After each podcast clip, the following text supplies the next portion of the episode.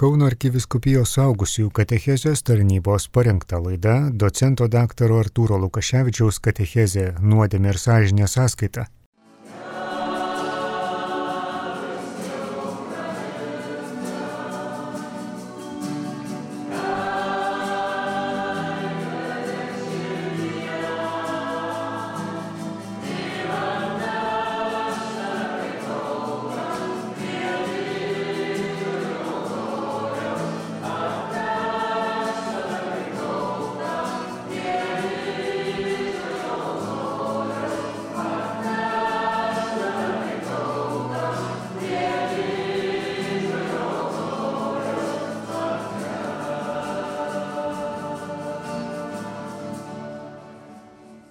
Šiandien mano tema yra pasirinkimo darimas, nuodėmė ir sąžinė sąskaita. Jeigu e, pastebėjote paskutinius kelius susitikimus, kalbėjome apie moralę, krikščioniškąją moralę ir įvairiais būdais e, savo ir jums stengiuosi parodyti, kaip krikščioniškoji moralė nėra mūsų laimę trikdantis ir neleidžiantis mums būti laimingiems dalykas o atvirkščiai. Tai yra tai, kas sudaro galimybės mūsų laimėjai. Ir naudojo tokius visokius įvaizdžius vaizdingus, tikiuosi, kad tie įvaizdžiai nesuklaidino jūsų, nes visi, visi įvaizdžiai yra savo ribose veikiantys ir paskui jau jie, kai išeina iš tų ribų, tai gali net ir trikdyti. Tai sielos ekologija, moralė kaip e, sveikumas, šventumas kaip sveikumas, va šitie visi yra geri, jie įvaizdžiai teisingi, bet iki tam tikros ribos paskui tie įvaizdžiai kaip ir visi e, e, pavyzdžiai nustoja veikti. Taigi šiandien norėsiu kalbėti apie pasirinkimo darimą ir dar kartą noriu priminti tai, ką prieš du susitikimus kalbėjome apie laisvę. Kas yra ta laisvė? Ta man, manyje esanti gale, gebėjimas. Gyvename visuomenėje, kurioje yra priimta manyti, kad laisvė yra daryti tai, ką aš noriu. Ir šitas manimas yra skatinamas mumise. E, bet pavyzdys būtų paprastas su, su tokiu, reiškia, mums visai gerai pažįstamu atveju, tai yra alkoholizmo atvejis. Reiškia, ir alkoholikas, stebėkite, jeigu jisai leis savo daryti tai, ką jisai nori, tai jisai nebus laisvas. Nes jame yra kažkas, kas jį padaro viduje nelaisvu. Jis yra iš vidaus nelaisvas. Jo priklausomybė jį padaro nelaisvu. Ir atvirkščiai, jeigu žmogus sergančiam e, alkoholizmu pavyksta atsispirti šiam norui, tada jisai padaro laisvės link žingsnį. Jisai padaro žingsnį, kuriame panaudoja savoją laisvę. Tai reiškia, tikrai nėra taip, kad laisvas esu tada, kai darau, ką noriu. Ir, ir dabar tas didelis klausimas, tai kada, kas yra ta laisvė ir kada aš esu laisvas. Taigi laisvė, mano laisvė varžo ne tiek išorinės kliūtys, e, kažkas mane priverčia daryti kažkaip tai, kiek vidinės kliūtys, mano priklausomybės ir visai nebūtina būti alkoholiku, kad, kad būt, turėtume priklausomybių. E, tikriausiai daugumai iš jūsų esate nukeliavę pakankamai didelę savo vidinę kelionę ir tą, tai pakank, gerai atpažinote, kad mes turime N priklausomybių daugybę. Mano įgeidžiai, užsispyrimai, jie mano vadinti ožiukai visokiausi, yra tos vidiniai įvairūs suvaržymai, kurie mano laisvę riboja ir trikdo. Tuo tarpu masinė kultūra skatina mus to nepastebėti ir nematyti, kad didžiausia nelaisvė ateina iš mano vidaus. Masinė kultūra atvirkščiai laisvę supranta kaip pataikavimą savo įgeidžiams, o tas pataikavimas tik dar padidina mano nelaisvę. Ir tokį, nu, nebūtinai šiais žodžiais, bet tokį, tokią nuostatą galite vienur kitur pamatyti aplinkui mus. Neleisk, kad tavo įgeidžius kas nors varžytų. Ne, neleisk, kad tavo ožiukus įgeidžius kas nors varžytų. Ir pelno siekiama skatinant mumise tas va vidinės nelaisvės iš esmės. Masinės kultūros metodas šitas yra. Laisvę apibrėžčiau kaip gebėjimą pasirinkti tai, kas iš tikro gera. Kas iš tikro man gera pasirinkti. Ir žmogus, mes nesam laisvi patys sugalvoti, kas yra gera, kas mus padarys laimingus. Tiesiog yra dalykai, kurie yra geri, nepriklausom nuo to, ar man tai patinka ar ne. Ir yra dalykai, kurie mano laimę, mano laimingumą, mano laisvę e, mažina, varžo. Ir laisvė tada yra gebėjimas atpažinti ir pasirinkti tai, kas mane padarys laimingą. Iškia laisvė yra gebėjimas pasirinkti gėrį, atpažinti ir pasirinkti gėrį. Prisiminkite tą mano minėtą sielos ekologiją, panašiai kaip gamtos ekologija. Mes gerbėme gamtoje esančią tvarką, kad jai nepakenktume, kad jos nesugriautume, nes pakenksim ne tik gamtai, bet viskam tame tarp ir savo patiems. Lygiai taip pat ne mes sugalvojome sieloje esančią tvarką. Ir jeigu mes norime, kad siela funkcionuotų sklandžiai, tinkamai, mes tengiamės tai tvarkai nepakenkti. Kitaip turėsime sielos arba graikiškai psichė problemų ir pakankamai daug e, aplinkui save galim matyti pavyzdžių. Didelė žala padaroma, kai sielos ekologija greunama ir, pavyzdžiui, toks nu, ryškus pavyzdys šio griovimo būtų litiškumo sritis. Gyvename labai sužalotoje sielos ekologijos aplinkoje, litiškumo srityje. Ir, ir, ir aplinkui save masiškai e, reklamuose ir, ir e, visokiausiose laidose matome labai žalojančią mus pasiekiančią informaciją e, šioje srityje. Ne tik tai masinėje kultūroje, bet ir tokiuose srityse kaip, kaip sveikatos apsauga, švietimo sistema, e, kurioje pats dirbu, yra labai daug e, netiesos ir labai žalojančių dalykų šitoje srityje. Vienas iš labiausiai yra nepripažinti, kad žmogus iš viso turi sielą, turi psichę. Ir, reiškia, ir elgtis su žmogumi taip, tarsi jisai būtų tik tai biologinė būtybė, tik tai materialus kūnas būtų. Tai e, dažnai paplitę, tai yra ir štai litiškumo srityje mums, į mus dažnai žiūrima tik kaip į biologinį organizmą, kuriam reikia išsikrauti. Na ir tada surandama e, įvairių siūloma būdų, kaip tą padaryti, va, štai paprastai ir, ir, ir patenkinančiai. Ir, ir tai yra labai destruktyvu, nes neatsižvelgiama, kad litiškume dalyvauja labai galingai žmogaus siela. Ir tai, kas daroma šioje srityje, labai takoja žmogaus sielą, labai gali prisidėti arba kenkti sielos ekologijai. Tarp kitko labai artimas požiūris marksizmui. Reiškia, marksizmas irgi į mus žiūrėjo tik kaip į kūną, dvasinė tikrovė buvo ignoruojama, neigiama, Ir, ir, reiškia, žmogus yra tik tai kūnas, tik tai materija, tik tai, e, reiškia, tik organizmas. Ir štai šiandien labai dažnai šitą patį šį požiūrį matome, kur e, moksleiviai biologijos pamokose ir kitose pamokose su jų kūno lytiškumu e, pristatomas jisai tik tai iš biologinės pusės, su saugiom technikom, reiškia, kaip e, išsikrauti. Ir ignoruojama, kad tai yra didžiulės sielos, sielai įtaka daroma E, šitoje srityje. Taigi grįžtam prie klausimo, kame yra žmogaus laimė. Ir laimė yra bendrystėje. Žmogaus laimė yra bendrystė su Dievu ir su artimu. Toje gilioje bendrystė ne tai, kad visiems mums reikia draugų. Taip, visiems mums reikia draugų, bet daug žmonių turi draugų, bet e, tie draugai yra paviršutiniški ir mums to nepakanka.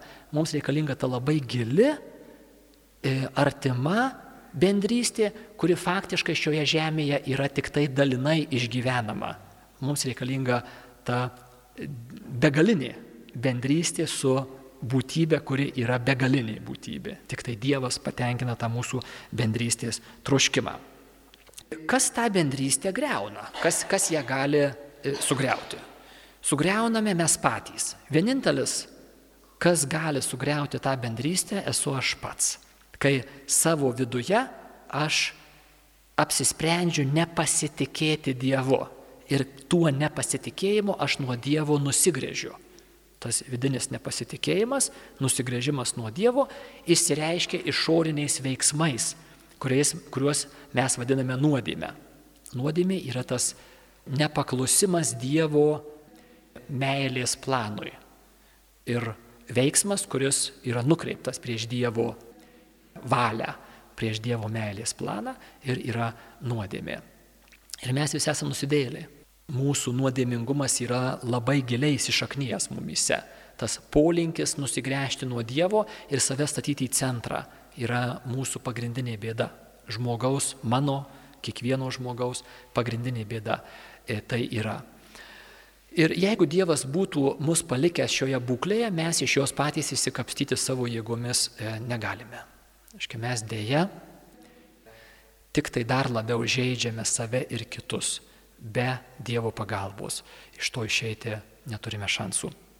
Bet geroji žinia yra tai, kad Dievas iš meilės mums nepalieka mūsų toje padėtyje, ateina mūsų gelbėti ir Jėzus, jo gyvenimas, veikla, mirtis prisikelimas yra e, tas išgelbėjimo momentas, Dievo įsikišimas į šito pasaulio eigą, e, per kurį radikaliai pakeičiama situacija ir mums atidaromas kelias į bendrystę su Dievu. Taigi pagrindinė kliūtis yra mano širdies nuostata išsireiškinti išoriniais veiksmais, nuodėmėmis. Tai yra kliūtis mano laimė. Kaip šitą kliūtį pašalinti? Faktiškai esminis gyvenimo klausimas yra, kaip pašalinti šitą kliūtį. Priimant Dievo atleidimą. Dievas nori, kad ta kliūtis būtų pašalinta ir jisai laiko ištiesęs man atleidimo dovaną. Man tą atleidimo dovaną reikia pasiimti iš Dievo rankų. Taigi, krikščionybės centre yra žinia apie Dievo gailestingumą. Dievas yra pasiruošęs atleisti man nuodėmės. Ir Dievo atleidimas e, gali įvykti daugybę būdų. Aiškiai, Dievas yra labai išradingas ir, ir įvairiausiamis formomis tas atleidimas gali įvykti. Tačiau standartinis toks pagrindinis autostradinis būdas, kuriuo Dievas savo atleidimą mums siūlo, yra krikštas ir sutaikinimo sakramentas. Šitie du būdai yra pagrindiniai du būdai mums nuodėmėms atleisti. Krikštu mums suteikiamas gimtosios nuodėmės atleidimas ir visų, jeigu esame nekūdikiai, visų padarytų nuodėmių atleidimas iki krikšto dovanojamas nuodėmių atleidimas fundamentalus.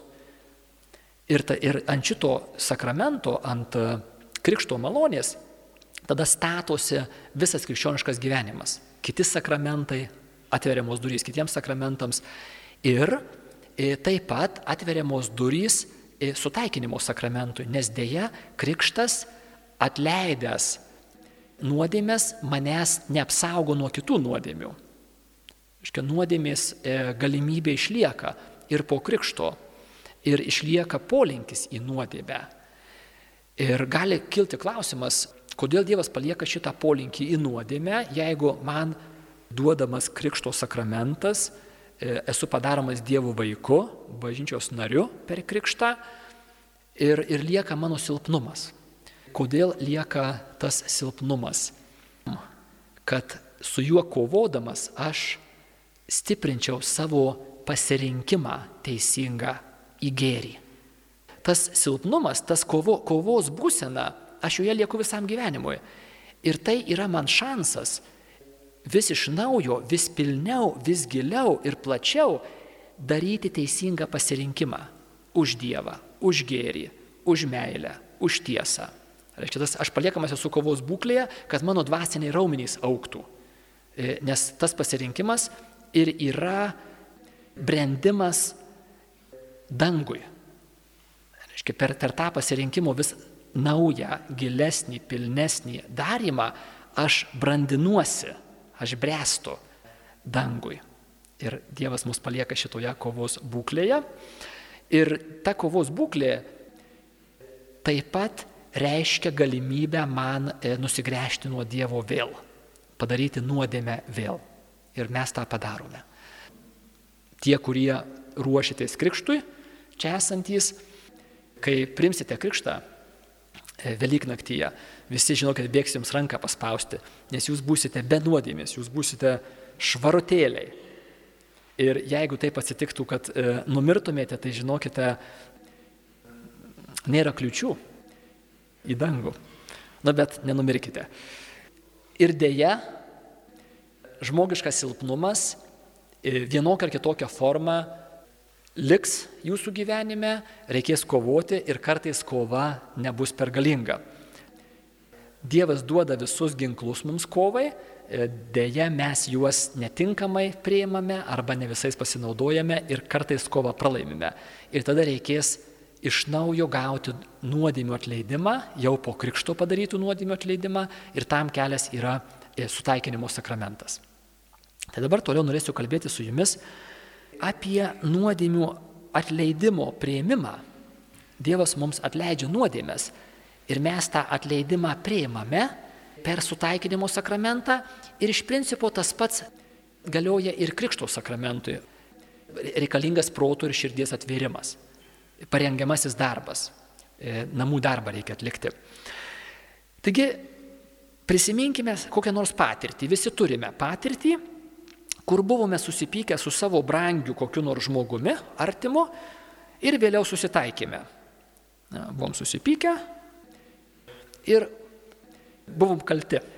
Kokius žingsnius reikia padaryti, kad susitaikytume? Pagalvokite keletą sekundžių, susipykau, buvau kaltas ir dabar aš noriu susitaikyti ir ką reikia daryti, kad susitaikyčiau. Mhm, aš kaltas buvau. Reiškia, aš buvau kaltas, Nu, iš vietos kokių šūktelėjimų keletą. Atsiprašyti, pripažinti savo kaltę. Reikia pirmiausiai pripažinti savo. Ir tai yra kartais labai sunki dalis. Prisiminti, pripažinti savo, ką padariau.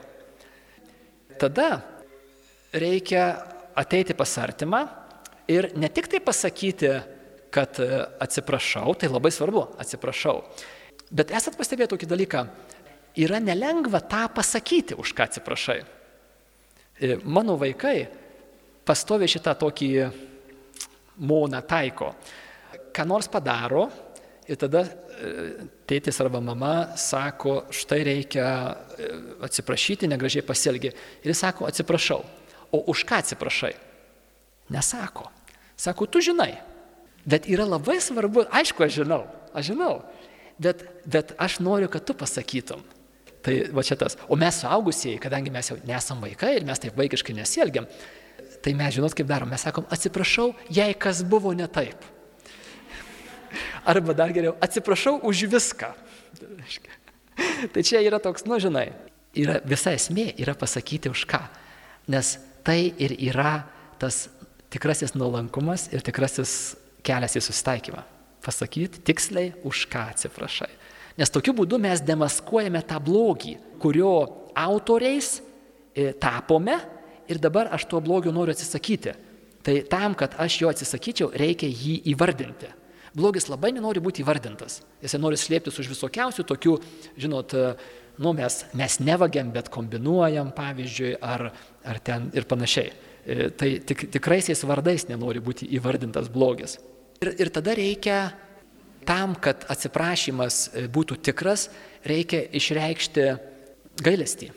Nes jeigu aš atinu pas savo artimą žmogų ir sakau, nu gerai, aš va čia taip pasakiau negerai, bet iš tikrųjų tai tu mane išprovokavai.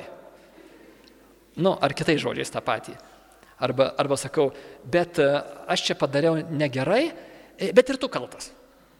Tai irgi toksai yra, žinai, ar aš čia atėjau atsiprašyti ar apkaltinti. Taigi aš turiu išreikšti, išreikšti gailestį, kad taip įvyko. Aš padariau blogai ir aš norėčiau, kad tai nebūtų įvykę. Man gaila, kad taip įvyko. Toliau sekantis atsiprašymo, susitaikymo su užbrangiu žmogumi momentas būtų e, išreikštas pasiryžimas taip nedaryti.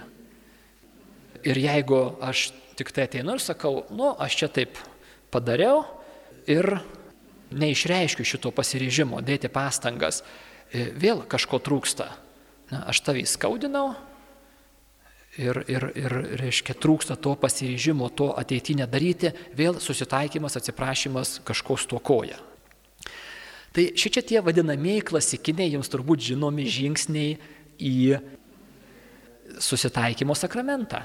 Tam, kad mūsų e, išpažintis arba susitaikymo sakramentas arba tiems, kurie ruošiatės krikštui, reiškia jūsų atleidimas per Krikšto sakramentą būtų kuo pilnesnis, gilesnis, platesnis, apimtų jūsų asmens ir gyvenimo gelmes.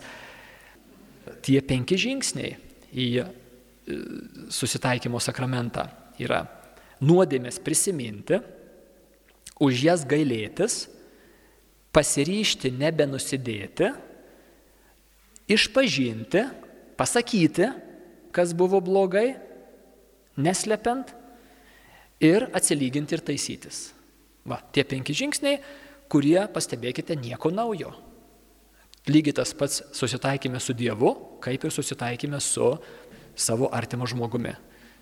Tikrai Dievas prisiderina prie mūsų ir turime lygiai tą patį modeliuką.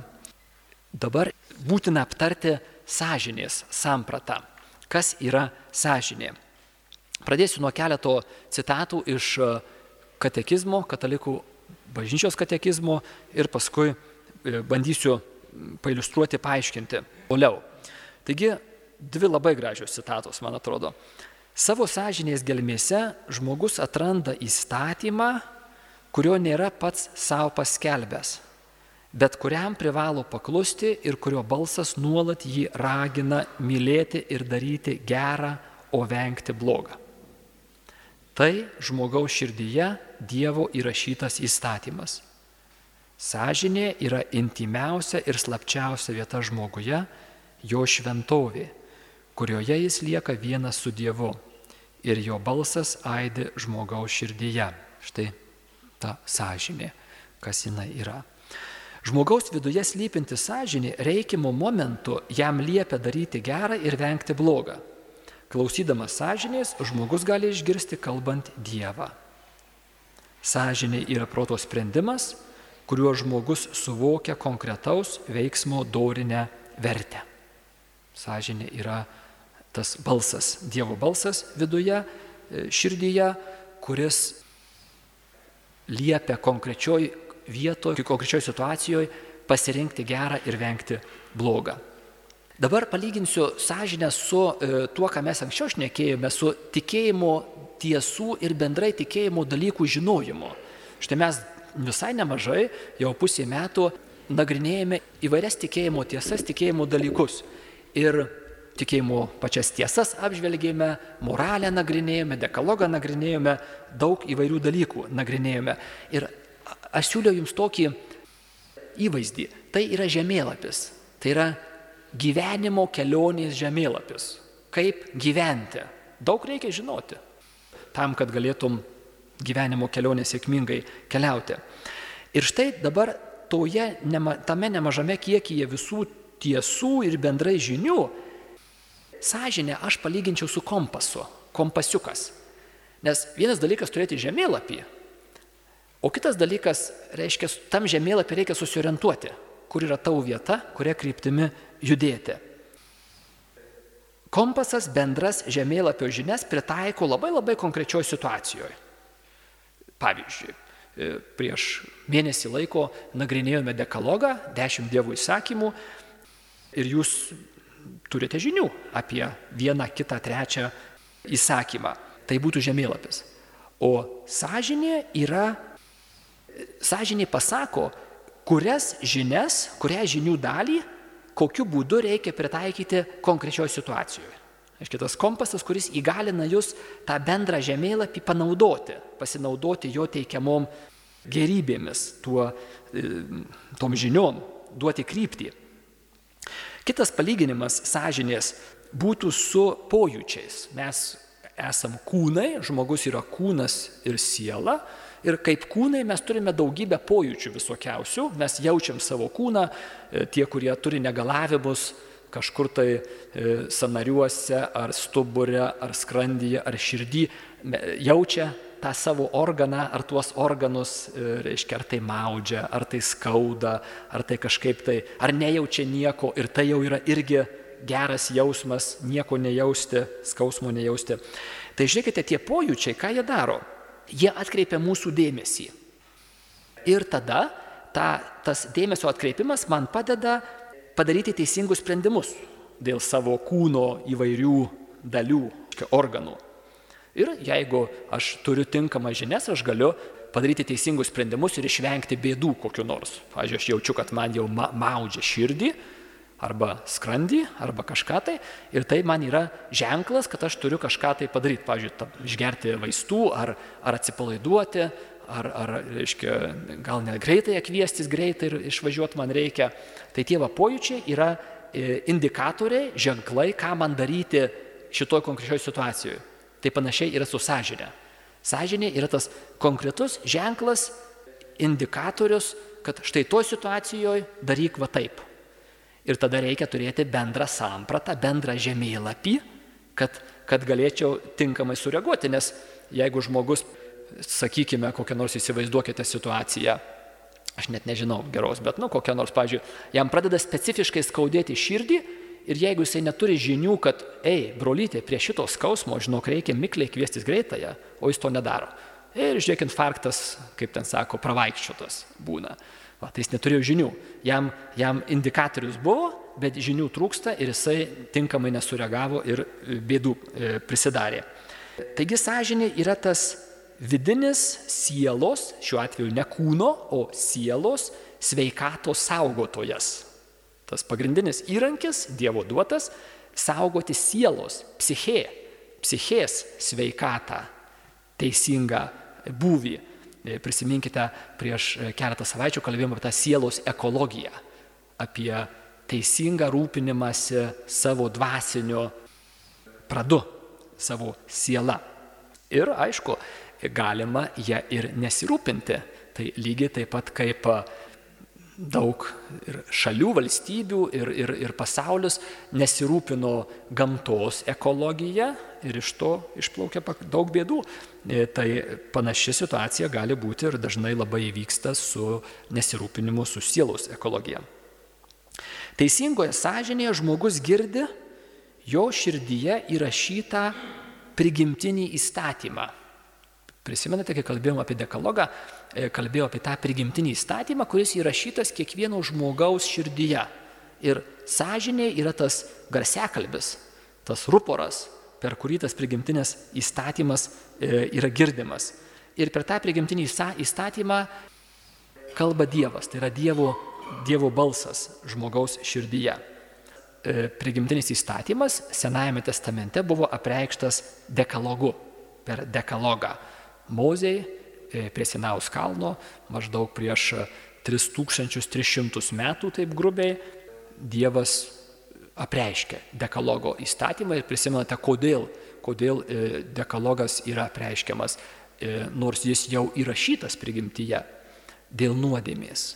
Dėl nuodėmės žmogaus vidinis susigaudimas, vidinė, vidinis išvalgumas yra aptemęs, apsnūdęs ir jisai neaiškiai, nemato aiškiai, nesupranta tiksliai, negirdi. Ir štai tai, kas yra jau įrašyta, Dievas dar kartą apreiškia, tarsi iš viršaus, tam, kad mes galėtume žinoti su visišku tikrumu. Nes savo viduje mes dėl nuodėmingumo e, prarandame gebėjimą girdėti prigimtinio įstatymo reikalavimus.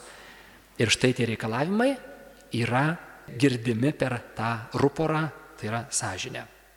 Teisinga sąžinė atitinka objektyvę dorinę tvarką. Aiškiai, teisinga sąžinė atitinka tą, tą dorinę, galima sakyti, netgi dvasinę tvarką, taip kaip jinai iš tikrųjų ir yra. Aiškiai, teisinga sąžinė gerai padeda, teisingai padeda žmogui išgirsti, suprasti e, tą dorinę tvarką kuri yra objektyvi, ji nuo mūsų nepriklauso, ne mes ją išgalvojome. Dalykai dvasinėje plotmėje yra objektyvūs, jie yra taip, kaip yra.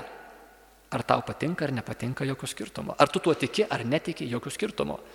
Lygiai taip pat kaip žmonės prieš 500 metų tikėjo, kad Žemė yra plokščia. E, bet e, Žemė nebuvo plokščia. Dalykai yra tokie, kaip yra. Ir, ir mes galime tiek apie materialius dalykus turėti klaidingų supratimų, tiek apie dvasinius dalykus galim turėti teisingų supratimų ir tada darysim klaidas. Materialioje plotmėje arba dvasinėje plotmėje. Taigi teisinga sąžinė atitinka objektyvę dorinę tvarką. Jinai gėrį vadina gėriu, o blogį blogiu. Jis atpažįsta, kas yra kas. Ir įvardina teisingai. Klaidinga sąžinė iškreipia dorinę tvarką. žmogus nesugeba atpažinti, kas yra gera ir kas yra bloga. Taigi sąžinė gali būti teisinga ir gali būti klaidinga. Ir tuoj kalbėsiu, kaip čia dabar taip atsitinka. Dar noriu porą žodžių apie klaidingą sąžinę. Aiškiai, žmogus negeba atpažinti, kas jam yra gera dvasiniai plotmė ir kas jam yra bloga. Jis yra pasimetęs. Visai panašiai, žiūrėkite, kaip ir su fizinė sveikata. Daug, daug žmonių nepaėgia atpažinti, e, kas jiems yra teisinga ir neteisinga ir pasirenka, pavyzdžiui, kenksmingą gyvenseną arba kenksmingą neteisingą mytybą. Ir žmogus mano, kad yra viskas gerai. Ir tuo pačiu metu jisai, reiškia, savo daro žalą. Bet, bet jo išvalgumas, sugebėjimas suvokti, kaip čia yra iš tikrųjų, e, nėra pakankamas ir jisai e, nepastebi, kad jam tai kenkia. Tai va visai panašiai yra ir dvasinėje plotmėje ir jeigu sąžinė yra iškreipta, neteisinga, žmogus daro žingsnius, kurie jam kenkia, o, o jisai to net pažįsta. Du tokie turbūt jums bus aiškiausia, du klaidingos sąžinės pavyzdžiai tai būtų skrupulinga sąžinė ir e, laksistinė sąžinė. Skrupulinga sąžinė tai yra perlenktai, neteisingai griežta sąžinė. Aiškia, žmogus mato blogį ten, kur jo iš tikrųjų nėra. Ir žmogus, reiškia, baidosi dalykų, bijosi, dėmesį sutelkia į dalykus, kurie neverti to dėmesio. Jie arba yra netokie dideli, arba, jų, arba jie visai gali būti nereikšmingi, visiškai skrupulinga sąžinė. Iškai, tam tikras vidinė, vidinis kompaso pasimetimas, iškreiptumas, kur žmogus mato bėdas ten, kur jokių bėdų nėra. Pasitaiko. Laksistinė sąžinė nepastebi blogio ten, kuris iš tikrųjų yra. Kita, kitas kraštutinumas neteisingas. Bėdos, blogis yra, žmogus jų nemato. Ir jisai, reiškia, padaro pasirinkimus blogus, savo, savo kitiems kenkia, tačiau to nepastebi. Kartais pasitaiko E, atveju, e, netgi dažnai pasitaiko atveju, kad žmogus yra skrupulatas vienoje srityje, o laksistas kitoje srityje. Iškir tokių atvejų gali būti. Čia didžiulė įvairovė galimybių žmogaus to dvasinio lygotumo. Čia tik tai tokie keletas pavyzdžių, kad, kad padėčiau jums tiksliau suprasti tai. Dabar kasgi tą sąžinę iškreipia arba netgi gali ir nutildyti sąžinę? Blogas auklėjimas. Prigimtinis įstatymas įrašytas žmoguje, blogas auklėjimas tiesiog, tiesiog sustabdo, žmogus ne, negirdi ir nesusijęjama sąžinė, tas prigimtinis įstatymas jame esantis, su augančio vaiko ir paauglio konkrečiais pasirinkimais, jam nesusisieja ir tada jisai negirdi, negirdi konkrečiose srityse, situacijose jisai negirdi sąžinės balso. Nesirūpinimas ieškoti tiesos ir gėrio. Na, jeigu žmogui tai tiesiog nerūpi, jeigu jam nerūpi jo sielos ekologija, tai padėti jam gana sunku. Tikriausiai irgi sutinkam žmonių, kurie ir, ir fiziniai plotmėjai, jie tiesiog jiem tai nerūpi. Ne, jie valgo tą, žinai, greitą maistą ne, nekokybišką, geria Coca-Cola ir nedaro mankštos. Ir jam tai nerūpi. Ir tu jam nepaaiškinsi. Bet vieną dieną jam pradės rūpėti. Va, tai tada jisai pradės ieškoti tiesos toj srityje. Tai lygiai tas pats yra su sąžinė. Ir, ir jau truputį jūs pažindamas, galiu drąsiai pasakyti, kad turbūt ger, gerokai virš 50 procentų čia susirinkusių žmonių atėjo dėl to, kad pradėjo rūpėti, pradėjo skaudėti, kai jau neįmanoma pabėgti nuo, nuo pasislėpti tą skausmą už, už kažkaip tai užslopinti ar apsimesti, kad jo nėra, kad viskas gerai, štai tada mums pradeda rūpėti ir labai gerai. Dievas tam ir duoda mums skausmą. Žiūrėkit, kaip yra nuostabu, kad, kad turim tokį dalyką kaip fizinį skausmą. Jeigu jo nebūtų, aš nežinočiau, kad reiktų pas dantistę eiti. Arba aš nežinočiau, kad man reiktų susirūpinti savo e, kokią nors kūno dalimi, kokiais nors organais. Tai lygiai taip pat yra su dvasiniu skausmu. Tai yra indikatorius, Ir tada mes pradedame ieškoti atsakymų ir duok Dievę, kad nueitume teisingų paieškos keliu. Aiškiai, į tikrus dalykus. Taigi nesirūpinimas ieškoti tiesos ir gėrio yra kelias į sąžinės iškreipimą ir nutildymą. E, įprotis pastovi nusidėti. Jeigu žmogus įpranta daryti konkrečią nuodėmę, tai tampa jam įda, ta nuodėmė, toj vietoj sąžinė po kurio laiko atbunka ir, ir, ir žmogus jau, jau nejaučia, kad čia yra blogis. Ir tai gali būti smulkmenos ir gali būti labai dideli dalykai. E, esu skaitęs, kad nužudyti žmogų sunku tik tai pirmą kartą. Sako, paskui jau viskas paprasčiau yra. Tai va tas įprotis pastovi nusidėti yra kelias į sąžinės iškreipimą ir netgi gali būti nutildymą arba beveik nutildymą. Na, dauguma iš mūsų nesame tokie dideli nusidėliai, tačiau sekantis punktas galioja bent dalinai mums visiems. Pastovus pasinėrimas į masinę kultūrą, na, ypatingai e, vakarų, visi mes esame vakarų civilizacijos dalis, ir gyvename tikrai labai specifinėje masinėje kultūroje, kuri dažniausiai kaip madingas ir patrauklias siūlo įvairiausias egoizmo formas. Pačios įvairiausios tos formos, bet prisiminkite, egoizmas nėra tai, kame mano siela bus sveika ir laiminga. O man siūlo labai įvairiais ir patraukliais būdais tą siūlo daryti. Ir jeigu aš nepadarau samoningo žingsnio išeiti iš masinės kultūros ir panardinti save kituose šaltiniuose, gėryje, grožyje ir tiesoje, tai tada ta masinė kultūra, kuri, kuri reiškia, mane plauna ir skalauna, pastoviai nuslopina tam tikras mano, reiškia, sąžinės sritis, jinai, jinai tiesiog iš atbukina. Ir, ir žmogus jau e, ne, nemato, kad tai yra jam žalinga. Ypatingai tai galiotų šiandien mūsų labai stipriai erotizuotoje kultūroje seksualumo sričiai. Bet prisiminkite tą bandymą su varle, kurio daryti nereikėtų. Atsimant, reiškia, jeigu varlę e, įmestume į šalto vandens kibirą ir pastatytume ant ugnies, jinai išlėto, išlėto, išlėto šiltų vanduo ir jinai išvirtų, mirtų. Tai čia yra su mūsų sąžinėm taip daroma. Bet jeigu varlę įmeta į verdantį vandenį iššok, nes jinai, reiškia, e, jaučia, kad tai jai yra pražutinga. E, tai pasinerimas į masinę kultūrą yra labai, labai kenksmingas dalykas. Kartai žmonės sako, nu aš šiaip televizijoje žiūriu viską, bet aš atsirenku, kas yra gera ir kas yra netinkama. Tai čia yra nu, toks pats e, jokingiausias, reiškia, manimas, kad mes esam pajėgus kritiškai įvertinti ir atsirinkti, kas yra gera ir kas yra bloga. Turbūt daviau jums vieną pavyzdį, bet prieš pusmetį daviau, tai pakartosiu. Vienas mano dėstytojas, nuostabus kunigas, filosofas, pasakojo, jisai Šveicarijoje gyveno savo gyvenimo didžią, didelę dalį, emigravo po po, po antro pasaulinio karo.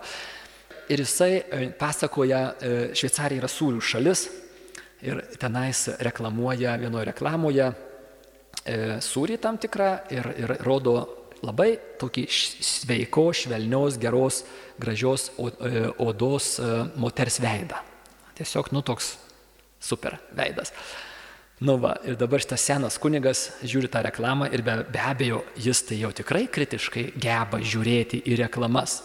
Nueina jisai į parduotuvę, pasižiūri savo krepšelį prie kasos ir sako, seni, seni, ir tu nori tokios odos, kaip toj reklamui.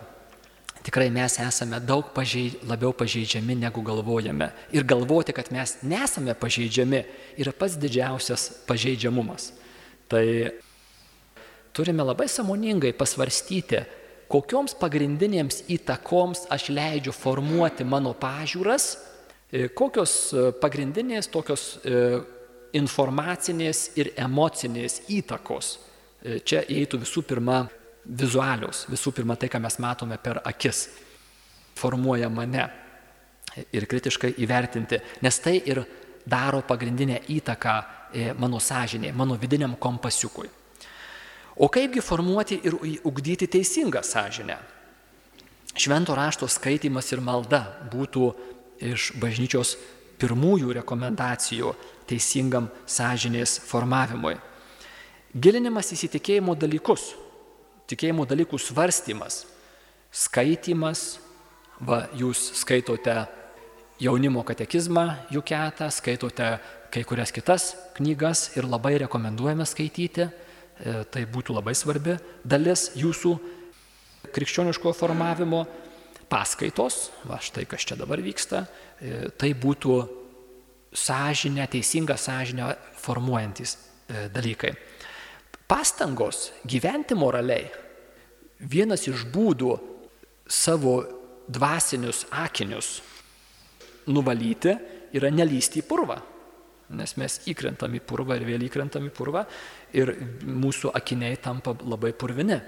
Ir e, kaipgi dabar reikia juos nuvalyti, savo dvasios akis prakrapštyti, iš purvo pasitraukti. Pastangos gyventi moraliai yra labai svarbi dalis teisingo sąžinės formavimo. Pokalbiai. Reikės ir asmeninių pokalbių ir štai savo išrinktuosius raginame, kad jūs šiek tiek turėtumėte asmeninių pokalbių su dvasios vadovais ar patyrusiais krikščionimis e, būtina vis pasitikrinti, kur aš esu, ar mano teisingi supratimai yra. Ir be abejo, vėlgi žiūrėkite, mes turime pareigą ugdyti teisingą sąžinę. Bet ta pareiga nėra tai, ką nėra, taip, Dievas nori, kad mes ugdytume teisingą sąžinę. Bet jisai nori e, dėl mūsų pačių gėrio, kaip ir visos mūsų pareigos yra dėl mūsų pačių. Taip pat ir teisinga sąžinė.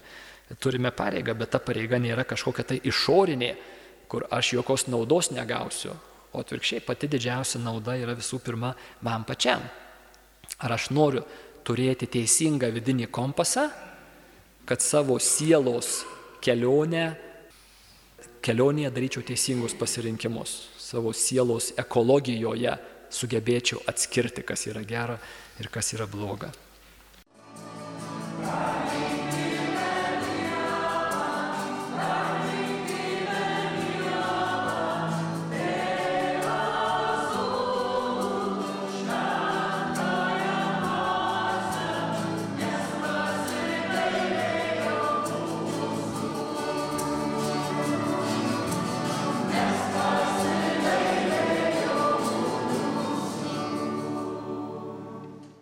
Girdėjote docento dr. Arturo Lukaševičiaus katechezę nuodėmė ir sąžinė sąskaita. Kauno arkiviskupijos augusių katechezės tarnybos parengta laida.